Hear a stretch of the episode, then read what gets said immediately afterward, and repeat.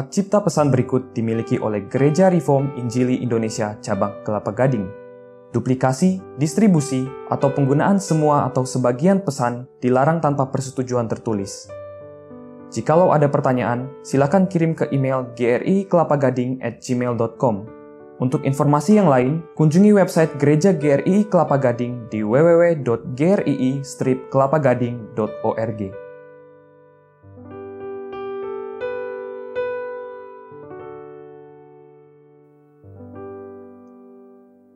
Ya, saudara-saudara, di sini kita mau pakai wadah ini untuk menjawab beberapa pertanyaan ya. Ini pertanyaan yang masuk yang kita belum bisa jawab di dalam Q&A pada hari Minggu. Kita kan sekarang terakhir ini hampir setiap minggu kita melakukan Q&A ya.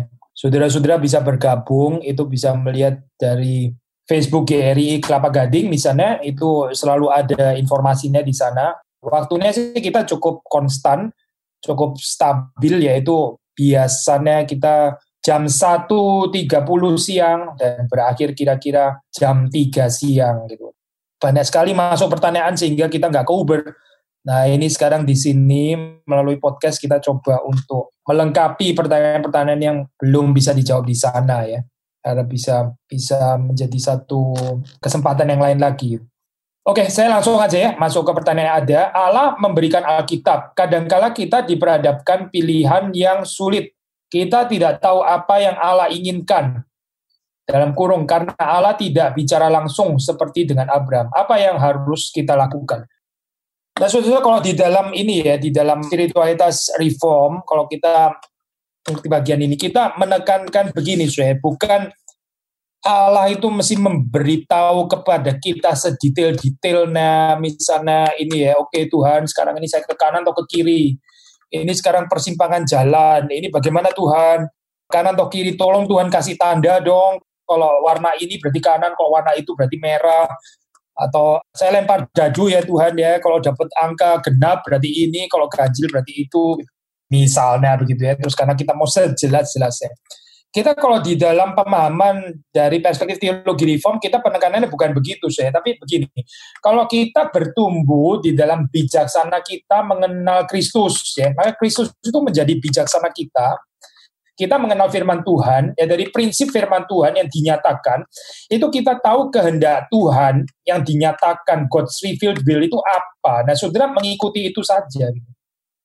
Keputusan-keputusan apa pun ya, tentu saja memang Tuhan nggak menyatakan God's sovereign will, misalnya kita mesti kerja di mana gitu. Saya mesti studi apa gitu ya, saya mesti menikah dengan siapa, ya itu memang nggak ada di Alkitab gitu ya. Tapi saudara pergumulannya itu bukan mencari God's sovereign will itu, tapi bagaimana kita taat dengan God's revealed will. Coba perhatikan prinsip-prinsip Alkitab. Di situ saudara berusaha taat kepada kehendak Allah yang dinyatakan itu, ya. Sudah mencintai Tuhan, sudah mencintai sesama, ya.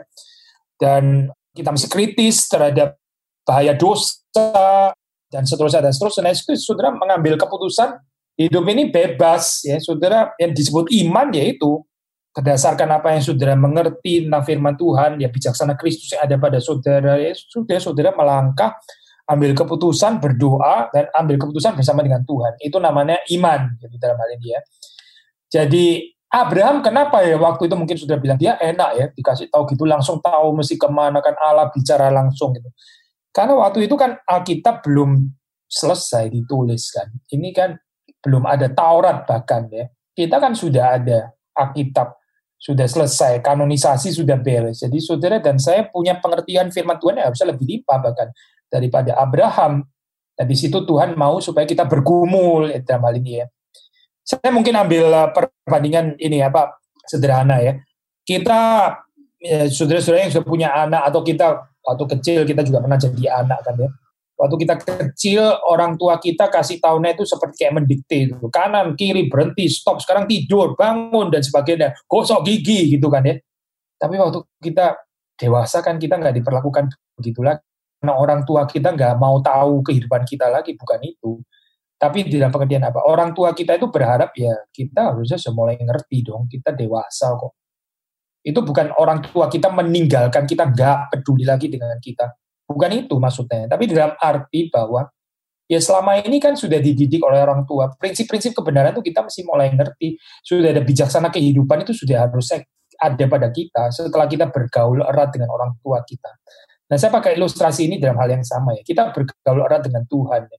membaca firman Tuhan. Kita lambat laun itu makin lama makin mengerti bijaksana Kristus. Lalu setelah itu bagaimana? Ya, bukan kita nggak boleh tanya Tuhan ya, tanya kita tetap bergantung pada Tuhan. Kita bergumul juga kan. Tapi bijaksana Kristus ya, bijaksana dari firman Tuhan yang ada pada kita, itu harusnya menolong kita untuk bisa mengambil keputusan. Jangan seperti anak kecil yang semua mesti didikte itu tadi gitu ya. Sekarang kita masuk ke pertanyaan berikutnya. Menanggapi Yakobus 2 ayat 13, bagaimanakah korelasi antara belas kasihan dan hukum dalam suatu negara? Yakobus pasal 2 ayat 13. Sebab penghakiman yang tak berbelas kasihan akan berlaku atas orang yang tidak berbelas kasihan. Tetapi belas kasihan akan menang atas penghakiman. Kita mesti mengerti ya ada perbedaan di dalam kita mengaplikasikan firman Tuhan itu di dalam misalnya ya di dalam hal ini public sphere di dalam hal ini lebih khususnya lagi yaitu di dalam konteks state atau negara gitu ya. dengan misalnya di dalam church realm ecclesiastical realm di dalam gereja ya. Bahwa prinsip ini adalah satu prinsip yang universal. Saya pikir kita semua setuju lah dalam hal ini ya. Intinya kalau kita tafsir ayat 13 itu ya, kita ini kan adalah orang-orang yang mengenal belas kasihan ilahi. Ya. Jadi kita dipanggil sebagai orang-orang yang juga berbelas kasihan kepada orang lain. Karena orang yang nggak berbelas kasihan kepada orang lain itu seperti kayak orang yang nggak mengenal belas kasihan ilahi. Nah, kemudian Yesus poin ini ya. Sama seperti di dalam doa Bapa kami kan dikatakan di situ kita mengampuni orang ya. Kita juga minta ampun dari Tuhan. Ampunilah kesalahan kami seperti atau sebab kami mengampuni orang yang bersalah kepada kami gitu kan. Jadi ini ada korelasi pengampunan yang kita terima dari Tuhan dan sikap kita mengampuni orang lain. Jadi bagaimana Tuhan berbelas kasihan kepada kita, demikian kita juga belajar berbelas kasihan kepada orang lain. Saya pikir di dalam konteks ini kita mengerti dengan baik ayat 13 gitu kan. Ya. Kita kan adalah orang-orang yang mengerti belas kasihan ilahi, bukan orang yang tidak mengerti dan karena itu kita juga diundang untuk berbelas kasihan kepada sesama kita. Dan bahwa pada akhirnya belas kasihan itu akan menang atas penghakiman. Maksudnya dengan kehidupan yang compassionate, yang ada belas kasihan, itu kita nggak akan terlalu gampang jadi orang yang judgmental gitu misalnya. Saya pikir ini juga jelas ya dalam hal ini ya. Tetapi begini saya, maksudnya gini, kalau di dalam public sphere, khususnya di dalam hal ini pemerintah, memang tugas pemerintah itu adalah menyandang pedang kan di situ. Jadi dia akan menghukum orang-orang yang jahat. Nah kalau ini ya, tugas tanggung jawab seperti itu yang juga adalah dicatat dalam firman Tuhan, saudara benturkan dengan Yakobus 2 di sini. Ya nggak tepat gitu. Maksudnya gini ya, dan saudara terus kemudian ya kalau menurut Yakobus 2 berarti harusnya nggak ada penghakiman, nggak boleh ada ruang pengadilan gitu misalnya ya. Semua orang yang maling, koruptor, nyolong dan sebagainya mesti mendapat belas kasihan semuanya gitu. Nah itu akan justru berbenturan dengan ayat yang mengatakan nggak percuma loh sebetulnya apa itu pemerintah itu menyandang pedang. Pemerintah menyandang pedang, menyandang kekuasaan, termasuk salah satu pasti tanggung jawabnya adalah untuk menghukum orang-orang yang jahat. Gitu. Jadi ini saudara masih dengan lincah ini ya Pak membedakan sphere situ ya. Ada sphere di gereja, di ntar kalau state lain lagi panggilan, ntar kalau dunia education ya itu sekolah apa gitu. Terus kalau company itu apa seni itu apa panggilannya. Saya pikir sudah perlu punya kelincahan di dalam hal ini. Kalau kita mengacaukan semua hal itu, terus kemudian kita anggap Yakobus 2 pun ini juga harusnya bisa diterapkan di dalam dunia state gitu. Jadi nggak boleh ada penjara, nggak boleh ada penghakiman. Karena apa? Karena belas kasihan yang harus selalu menang. Ya jadi nggak tepat ya, karena nggak semua orang itu mengenal Injil kan di dalam hal ini. Nggak semua orang itu mengerti dengan baik anugerah Tuhan itu apa gitu. Ada orang-orang yang memang harus dikasih apa ya pelajaran di dalam hal ini gitu. Either untuk membuat dia jerah atau setidaknya menahan kejahatannya supaya paling nggak masih lebih bisa dihalang-halangi gitu. Saya ambil contoh lah ini. Saudara tahu ya ada rumah yang ada pagernya ada rumah nggak ada pagernya gitu ya. Kalau kita di mungkin di Indonesia kebanyakan rumah ada pagar lah gitu ya. kecuali mungkin di daerah klaster ya nggak ada pagar tapi itu pagernya yang di luarnya di luar. Klasternya itu sendiri sudah ada pagernya kita bisa tanya, kenapa rumah dikasih pagar gitu misalnya? Kenapa kita nggak bisa percaya bahwa orang itu kalau nggak ada pagar dia juga nggak akan nyelonong masuk dan nggak akan maling? Ya, jawabannya saudara tahu lah kenapa. Karena kita tahu memang ada orang jahat gitu. Dan orang jahat itu perlu dikasih pagar ya. Bukan untuk mempertobatkan mereka. Orang jahat lihat pagar bukan terus menangis terseduh-seduh terus langsung bertobat karena ada pagar. Ya mungkin tidak mungkin mereka akan terchallenge gimana cara melompati pagar dengan lebih hebat lagi gitu ya. Tapi setidaknya ya pagar itu menghalangi mereka untuk melampiaskan kejahatan mereka. Sudah mengerti ya poin ini ya. Sama di dalam hal ini, waktu pemerintah menyandang pedang dan dia menjalankan penghakiman, menghukum orang-orang yang jahat, yaitu setidaknya itu ya, membuat jerah kita berharap orang yang ada aspek korektif gitu maksudnya saya, orang-orang yang berbuat jahat ya supaya nggak segampang itu melakukan kejahatan atau kalau mereka mau melakukan kejahatan paling enggak ya mereka bisa lebih ditahan gitu karena ada penghukuman, ada fine, ada denda, ada penghukuman dan seterusnya dalam hal ini. Gitu. Jadi ini enggak tepat ya kalau saudara misalnya gantikan ya sudah digantikan Yakobus juga kan bicara katanya belas kasihan harus menang terhadap penghakiman. Jadi sudah nggak perlu ada penghakiman, nggak perlu ada penghukuman. Semuanya belas kasihan saja. Masalahnya saya nggak semua orang itu mengerti belas kasihan ya nggak semua orang mengerti anugerah Tuhan. Ada yang dikasih anugerah tapi tetap nggak bertobat jadi bagaimana? Ya sudah penghukuman itu cocok untuk orang seperti ini. Ya, itu jawaban saya. Ini pertanyaan yang lain lagi. Kenapa Israel ngotot memuja ilah-ilah buatan yang tidak ada kuasa di zaman hakim-hakim, walau mereka tahu Tuhan penuh kesabaran? Sangat berkuasa dan bisa diandalkan. Kita mesti tanya pertanyaan ini kepada diri kita sendiri, saudara-saudara. Saudara dan saya, saya mesti tanya saya sendiri, saudara tanya saudara sendiri. Di dalam kehidupan manusia modern juga banyak ilah-ilah seperti ini ya. Padahal kita tahu ilah-ilah itu juga nggak bisa menolong kita kan. Tapi kenapa manusia masih percaya kepada ilah-ilah itu? Jadi kita jangan berpikir seperti kayak dosanya orang Israel ini keterlaluan gitu ya jadi ya, kalau kita di sana kayaknya kita nggak akan tertipu lah masuk ke dalam kekonyolan seperti ini. Coba saudara lihat kekonyolannya orang-orang modern, termasuk kehidupan kita sendiri. Kenapa kita bisa lebih percaya kepada ilah mamon? Kenapa banyak orang lebih membangun cerita kehidupannya? Sekuritas kehidupan ini diletakkan kepada kekayaan, diletakkan kepada relasi antara manusia, diletakkan kepada kuasa kuda, kalau bahasa zaman dulu ya. Kalau sekarang ya relasi dengan orang-orang yang powerful. Kenapa orang-orang di dalam zaman sekarang lebih sibuk, desperately kayak perlu kenalan orang-orang yang penting dan sebagainya. Kalau perlu kita foto-foto bareng mereka, lalu bukan cuma itu dicetak dan dipajang di living room kita. Coba sudah perhatiin, kenapa kita perlu ilah-ilah itu? Ya sama kan ini sebetulnya. By the way, saya bukan berarti semua orang yang foto kayak begini langsung pasti itu idolatry ya kan tentu lah. Saudara tanya aja kepada diri sendiri waktu saudara gitu sebetulnya saudara keperluannya apa dengan itu?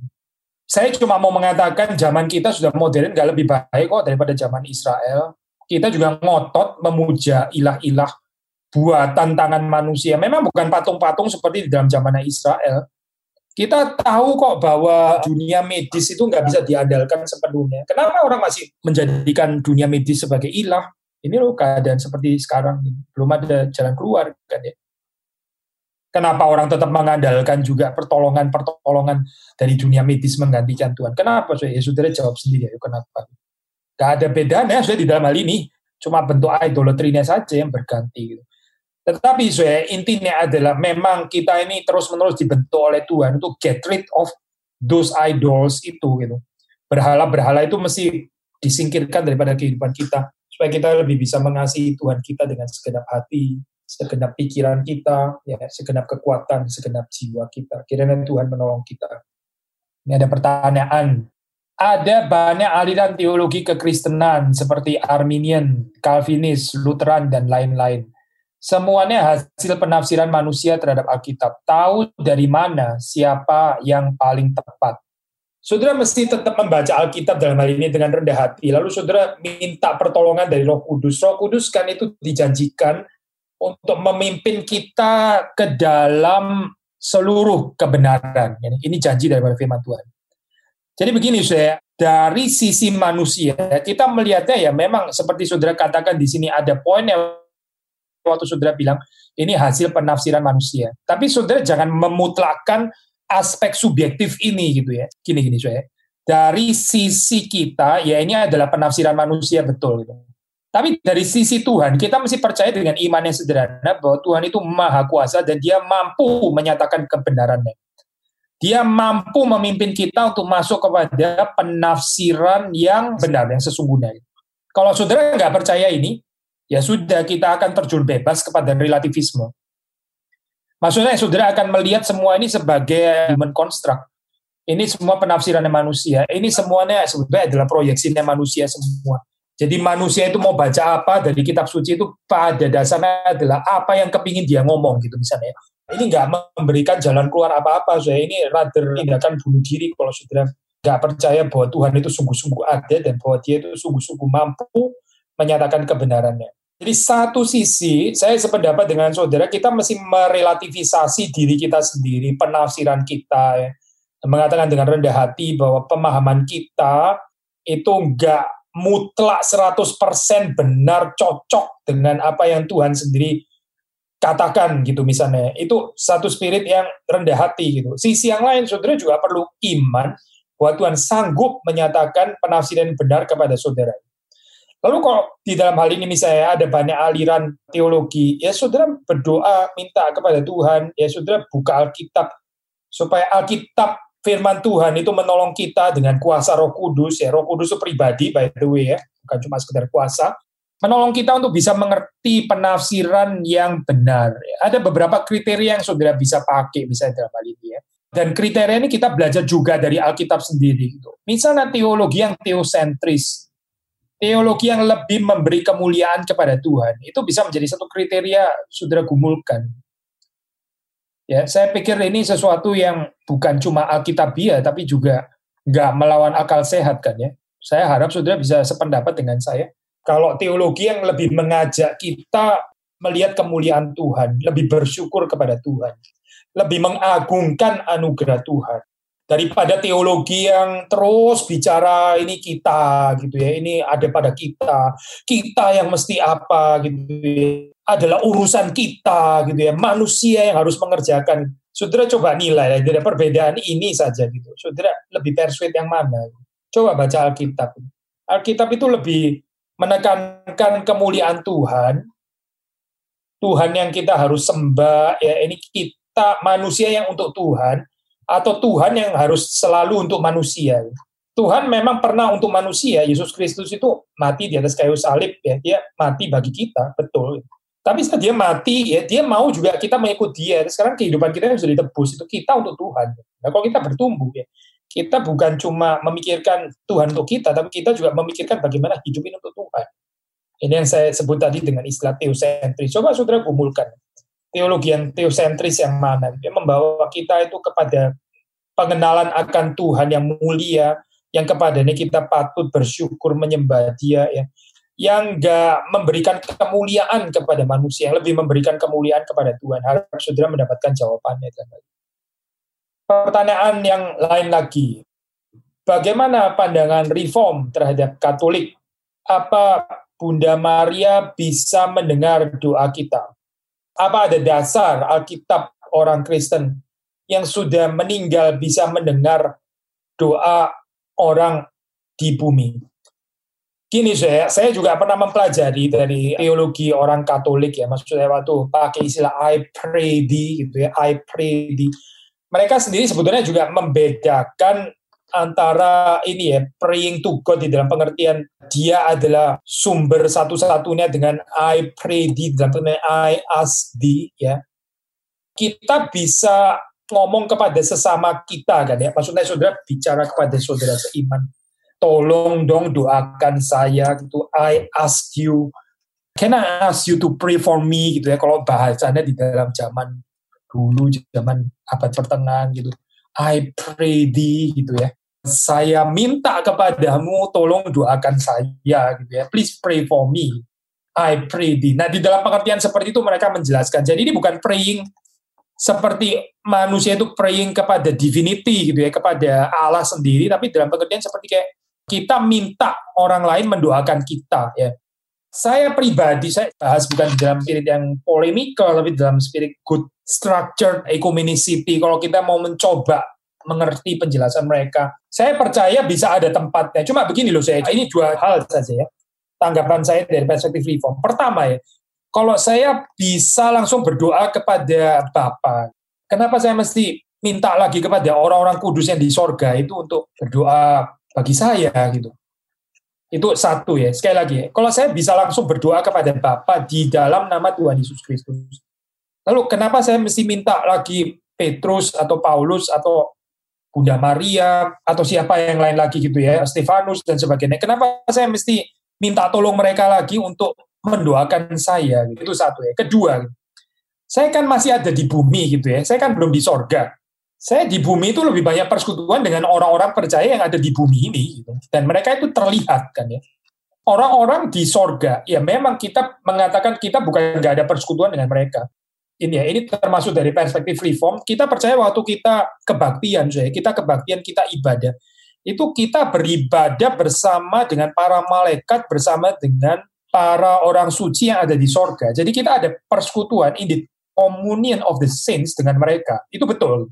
Jadi kita memang bukan tidak ada persekutuan dengan Bunda Maria, bukan nggak ada persekutuan dengan Petrus, Paulus. Memang kita ada persekutuan, khususnya kalau dari perspektif teologi reform ini, khususnya waktu ibadah. Tetapi seperti saudara dan saya tahu, kita ini lebih ada persekutuan dengan sesama saudara seiman yang ada di dalam dunia kan ya.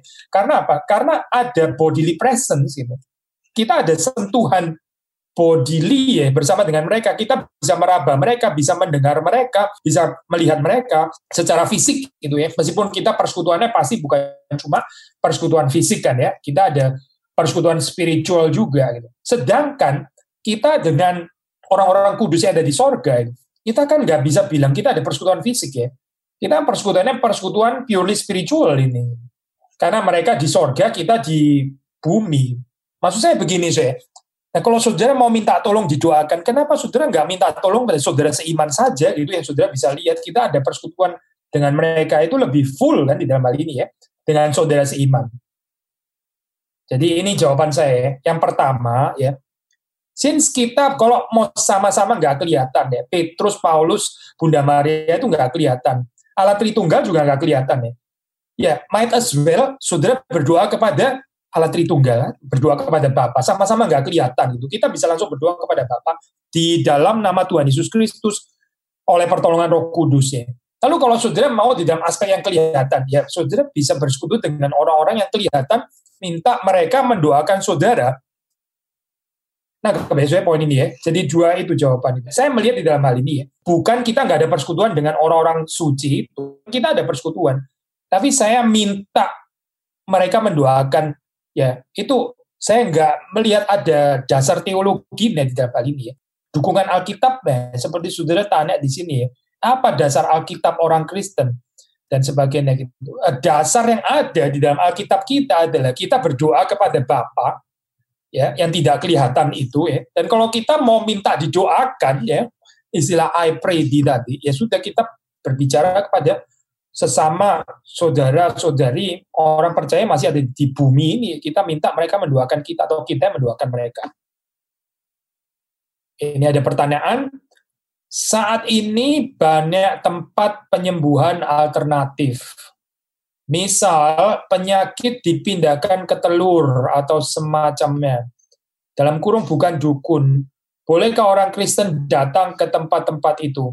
Nah saya nggak tahu sih terus terang ini saya juga pertama kali dengar ya dan apa penyakit dipindahkan ke telur itu. Saya belum pernah dengar hal ini gitu. Tapi mungkin saudara perlu bijaksana dalam hal ini ya. Meskipun bukan dukun tapi saudara juga perlu riset lah di dalam hal ini. Sudah menyelidiki ini ada dasar sains atau tidak gitu ya atau ini lebih mirip pseudoscience gitu misalnya ya atau ini lebih merupakan yang belum bisa dijelaskan secara sains tapi sebetulnya sudah ada aspek pengalamannya gitu misalnya. Ini kompleks ya pertanyaan seperti ini gitu. Saya encourage saudara untuk pertama kita bergantung kepada Tuhan. Kita masih lebih bergantung kepada Tuhan daripada dunia medis bahkan dunia medis yang saintifik sekalipun gitu. Dan saudara waktu pakai penyembuhan alternatif dan sebagainya, saudara perlu menjaga sikap hati supaya kita bukan mengejar itu supaya desperately karena saudara sudah kepingin sekali sembuh secepat-cepatnya jadi saudara seperti kayak frantically gitu ya, restlessly kejar tabrak sini sana, pokoknya ayo kasih saya alternatif apa saja, saya kepingin cepat keluar daripada penyakit saya ini. Lalu saudara coba seribu satu macam metode gitu. Ini, ini justru yang kita perlu waspadai ya daripada penyembuhan alternatifnya sendiri. Gitu penyembuhan alternatif saya nggak tahu saudara mengerti dalam hal ini. Memang kita tahu keterbatasan daripada dunia medis barat gitu. Kalau seperti saudara tahu di dunia timur kan ada caranya sendiri.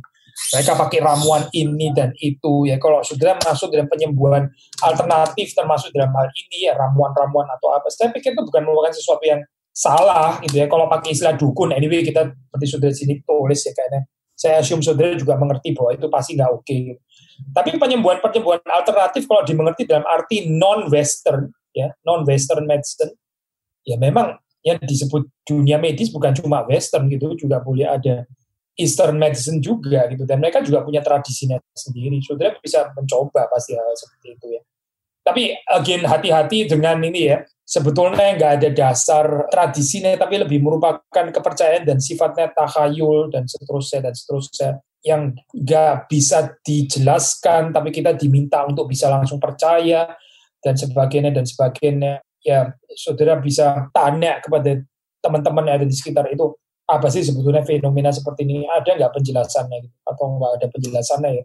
Saudara mesti lebih berhati-hati apalagi kalau saudara disuruh bayar lagi ya itu nanti di dalamnya juga seperti kita tahu kadang-kadang bisa ada aspek penipuan dan sebagainya orang disuruh beli ini dan itu padahal sebetulnya nggak ada khasiatnya tapi karena dipercaya jadi kayak semacam jadi jualan ini ya penyembuhan alternatif gitu. Saya mungkin nggak jawab direct ya pertanyaan ini tapi saudara gumulkan lagi gitu. Saya percaya Western medicine bukan satu-satunya jalan itu satu gitu ya. Tapi waktu saudara coba alternatif daripada cabang ilmu yang lain ya saudara melihat itu tradisinya itu sudah dijalankan berapa lama lalu terus kemudian kita bisa jelaskan nggak bukan sesuatu yang apa ini sifatnya itu gaib dan takhayul nggak ada nggak ada sentuhan fisiknya sama sekali gitu misalnya saya ambil contoh sederhana ya.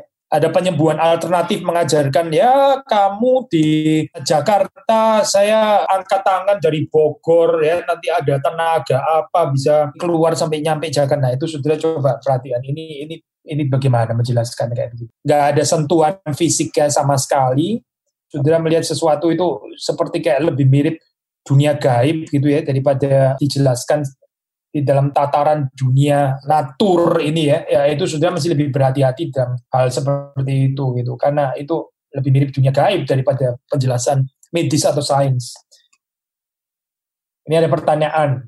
Dalam konteks ibadah komunal, apakah dosa satu orang yang tidak bertobat dapat memengaruhi berkat perkenan Tuhan untuk yang lainnya dalam ibadah tersebut? Ya ini pertanyaan yang baik, sudah tergantung bagaimana respons daripada komunitas itu ya. Apakah ada disiplin gereja sana ya, atau kita juga menoleransi. Tapi secara prinsip ini ya, saya secara prinsip dasarnya dulu, setiap orang itu bertanggung jawab secara pribadi di hadapan Tuhan.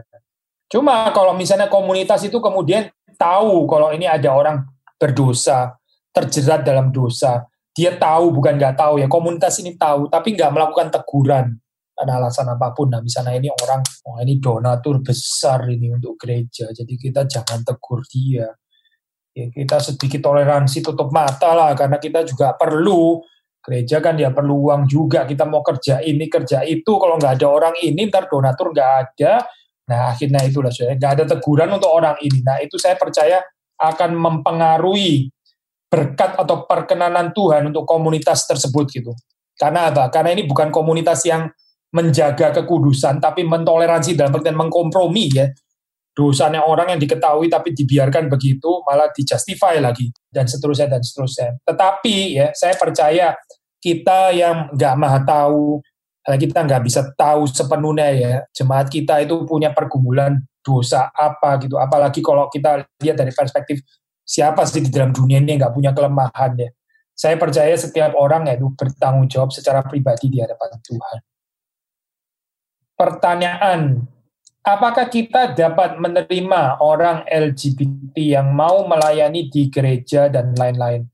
Apakah menerima mereka sebagai pelayan sama artinya dengan membiarkan dosa LGBT di dalam gereja? Thanks. Kita beberapa waktu yang lalu ya, saya ada sempat dilayani, ada seseorang yang kesaksian dia bergumul dengan ini ya, dengan keadaannya, jadi dia attracted dengan sesama jenis gitu ya. Tapi ini orang yang dipakai Tuhan, diberkati Tuhan, karena dia ada pertobatan, jadi dia meskipun ya ada kecenderungan itu, tapi dia tidak practicing. Dia bukan seseorang yang practicing desire-nya atau kecenderungan naturalnya itu. Tetapi dia menjaga kekudusan ada kalimat yang menarik yang dia pernah saksikan ya. Dia bilang kalimat seperti ini ya. Goal daripada orang yang punya atraksi same sex itu ya, bukan supaya dia jadi heterosex, itu bukan goalnya. Goalnya itu adalah remain the one and only goal, yaitu holiness.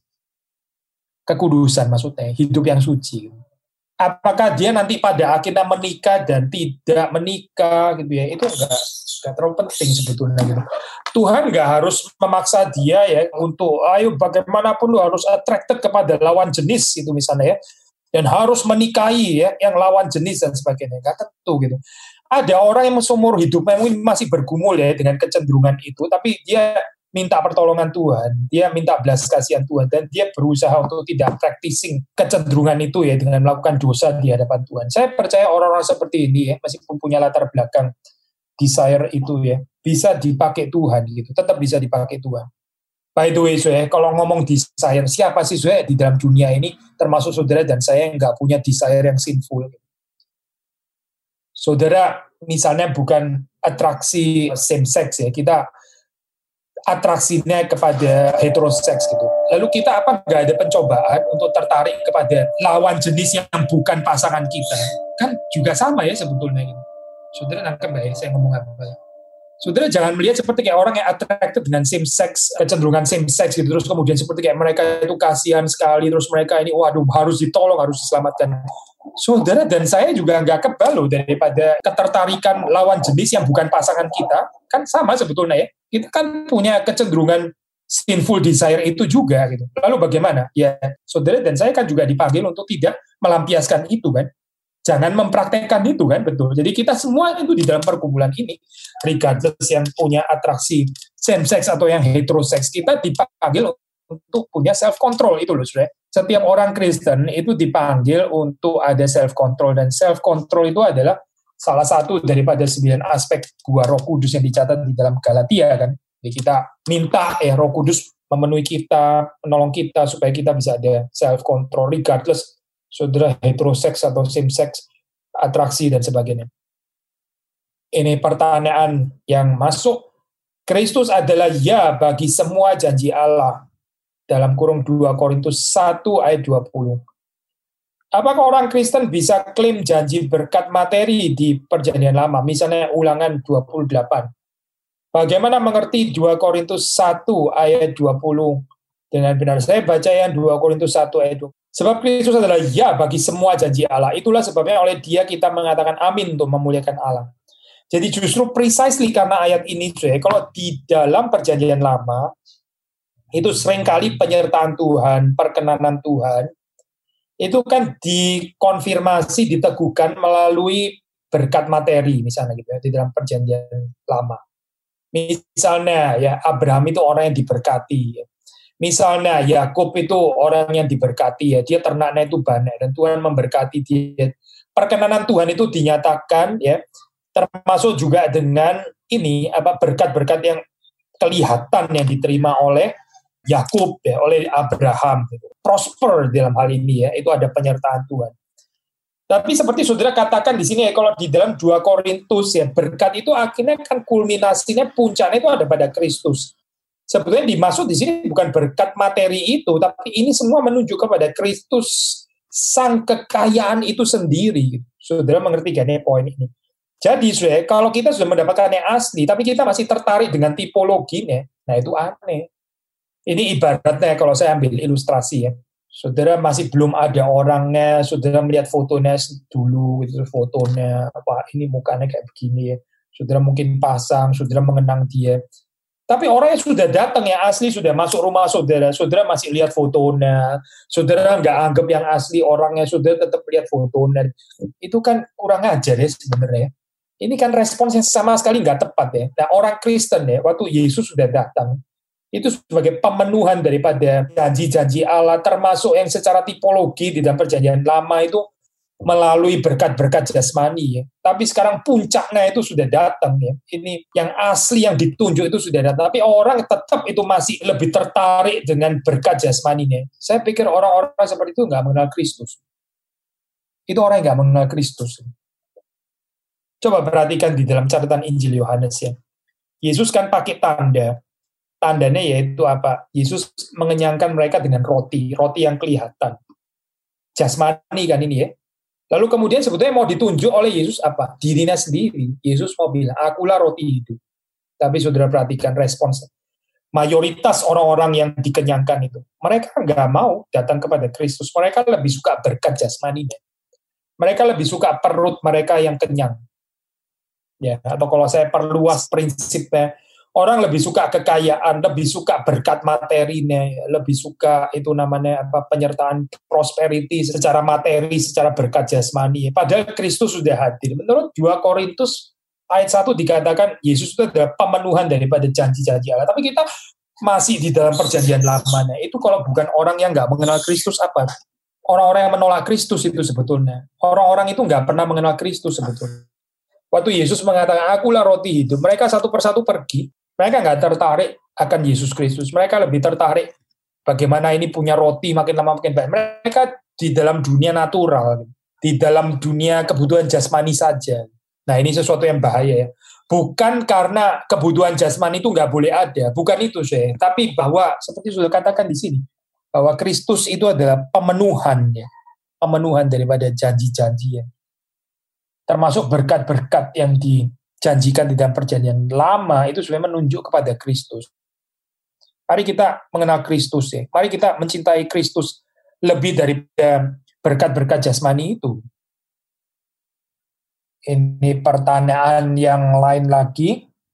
Dalam Wahyu 22 ayat 2, terkesan masih ada proses penyembuhan bangsa-bangsa waktu konsumasi.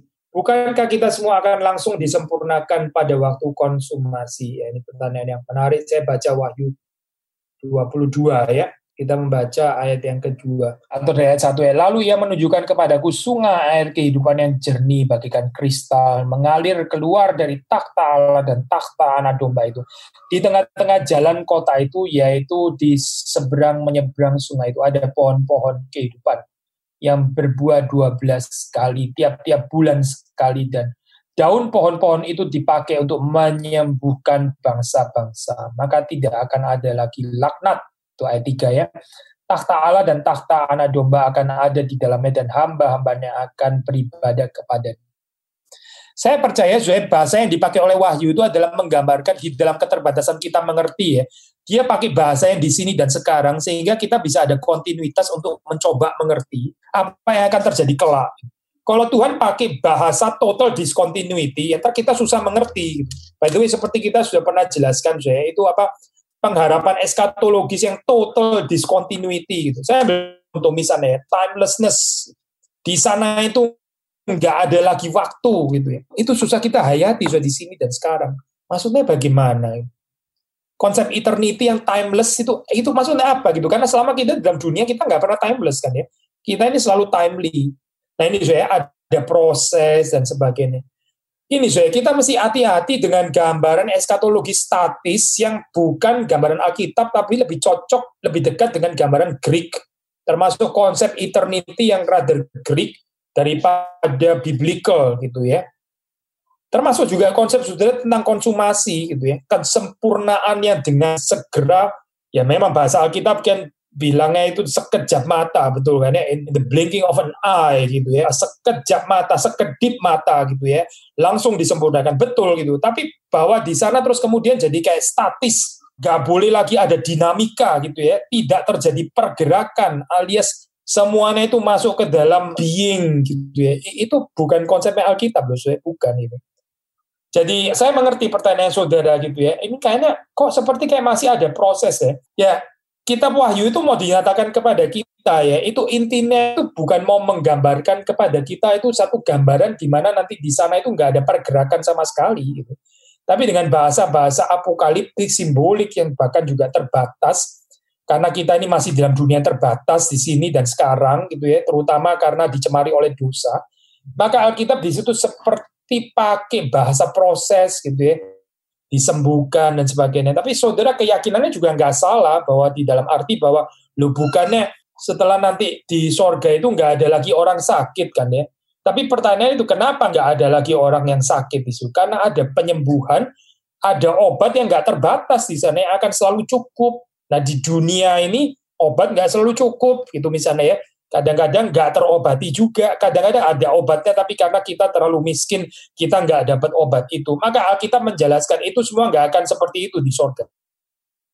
Semua orang akan beres, persoalan akan beres karena selalu ada jalan keluarnya di sorga. Saya pikir itu yang menarik dalam konsep ini. Saya mungkin ini ya Pak Miroslav Volf ya pernah bicara tentang konsep eskatologi di dalam dia menjelaskan tentang ketidakmungkinan manusia itu berdosa di sana ya. Jadi intinya gini saya, saya nggak ada cukup waktu untuk menjelaskan, tapi intinya gini saya.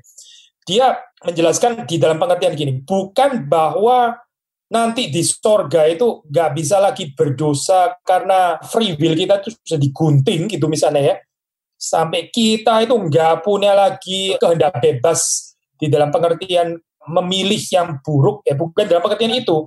Kalau gitu kan jadi rather statis dan robot like dan sebagainya ya. Tapi jawabannya dia mengatakan karena hati kita ya.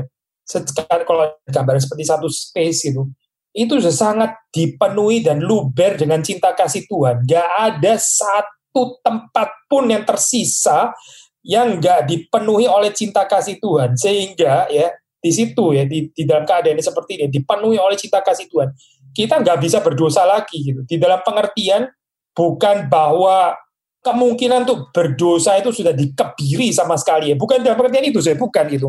Tapi di dalam pengertian sudah totally relativized gitu ya, totally dibanjiri dengan kekaguman akan Allah, dibanjiri dengan cinta kasih akan Allah yang selalu luber sehingga gak ada satu inci pun, nggak ada satu mili, satu senti pun yang bisa dipenuhi oleh ketertarikan untuk berbuat dosa. Sudah mengerti ya konsep ini ya?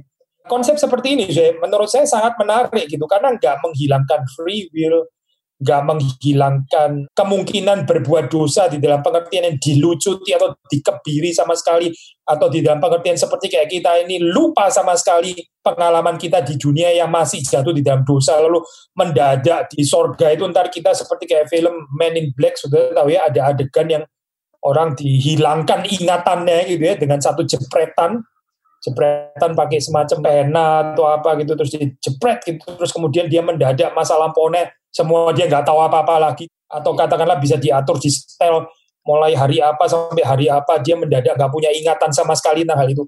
Saya percaya surga nggak akan melakukan itu terhadap kita gitu. sampai kita ini jadi kayak seperti orang yang nggak bisa ingat sama sekali bahwa kita pernah hidup di dalam dunia bahwa kita pernah jatuh di dalam dosa dan sebagainya. Terus kemudian kita di sana itu nggak tahu apa-apa tentang hal itu dan karena itu kita jadi nggak mungkin jatuh di dalam dosa itu bukan gambaran sorga yang dinyatakan dalam Alkitab. Sama saya di dalam prinsip ini ya, waktu kita melihat, loh kok bahasannya kayak begini ya, seolah-olah di dalam sorga ini kok seperti kayak ada penyakit gitu ya. Bukannya di sorga itu nggak ada lagi sakit penyakit. Saudara betul waktu bilang di sorga nggak ada lagi sakit penyakit, itu juga Alkitab juga yang ngomong gitu kan ya. Tapi pertanyaannya kenapa bisa nggak ada sakit penyakit gitu? Itu loh saya yang menarik. Karena di sana obat selalu tersedia karena di sana itu kuasa kesembuhan itu terjadi dengan sempurna. Saya pikir saya konsep seperti ini jauh lebih menarik daripada sekedar peniadaan, peniadaan, tahu ya, eliminasi atau apa namanya, ya, anihilisasi, apa pun lah istilahnya saya, pengebiran itu tadi ya, pengguntingan atau apa gitu ya, pokoknya nggak dikasih kemungkinan sama sekali itu. Gitu. Konsepnya bukan lebih ke sana, tapi di dalam pengertian relativisasi ya. Ini ada obatnya, ini ada kesembuhan. Dan karena itu ya sakit penyakit itu nggak pernah mungkin bisa ada di sana. Bahkan konsep seperti ini, saya kalau kita mau menghayatinya di sini dan sekarang, juga bisa loh. Maksudnya gini ya, saya percaya saudara punya pengalaman di mana kita tidur itu cukup, ada gerak yang cukup, lalu saudara juga makanannya itu baik, ya, ada vitamin, mineral yang cukup yang saudara konsumsi dan sebagainya. Lalu saudara jadi sehat. Gitu. Nah ini loh saudara, waktu saudara sehat di dalam keadaan seperti itu, itu kan bukan berarti terus kemudian saudara jadi kemungkinan sakit itu jadi nggak ada sama sekali. Nah, saya poin ini ya. Waktu saudara sehat seperti itu ya, itu sehatnya itu terjadi karena sakit direlativisasi, begitu kan ya? Bukan karena saudara itu nggak mungkin sakit sama sekali, bukan gitu ya. Tapi karena ya saudara ada kecukupan itu, karena kecukupan ini, kecukupan ini, sehingga sakit itu nggak bisa mengganggu saudara, nggak bisa masuk. Nah, kita tentu saja tahu di dalam dunia itu kadang-kadang kita gagal ya, kadang-kadang ini nggak cukup tidur, kadang-kadang kita makannya ngawur, kadang-kadang kita kurang gerak dan sebagainya sehingga kita jadi sakit gitu ya. Akhirnya masih bisa sakit gitu. Nah di sorga itu ibaratnya kalau kita mengikuti konsep ini itu akan selalu sempurna itu. Ibaratnya itu semua yang memastikan kesehatan kita ya termasuk obat-obat gizi mineral semua itu selalu sempurna sehingga sakit penyakit itu gak ada kemungkinan ya di dalam hal ini ya untuk masuk di dalam kehidupan kita sama seperti juga dosa nggak akan pernah menarik kita di sana ya karena apa karena cinta kasih Tuhan itu sudah sangat memenuhi hati kita. Nah ini bagi saya konsep yang menarik. Jadi bukan konsep pengguntingan, bukan konsep peniadaan atau apa itu total cut, tapi konsep ini ya pemenuhan daripada cinta kasih Tuhan. Dan keindahan daripada konsep ini adalah again ini experienceable here and now gitu. Kita bisa mencicipinya meskipun cicipannya tentu saja nggak sempurna. Nah ini jawaban saya atas pertanyaan ini ya. Tuhan memberkati kita semua.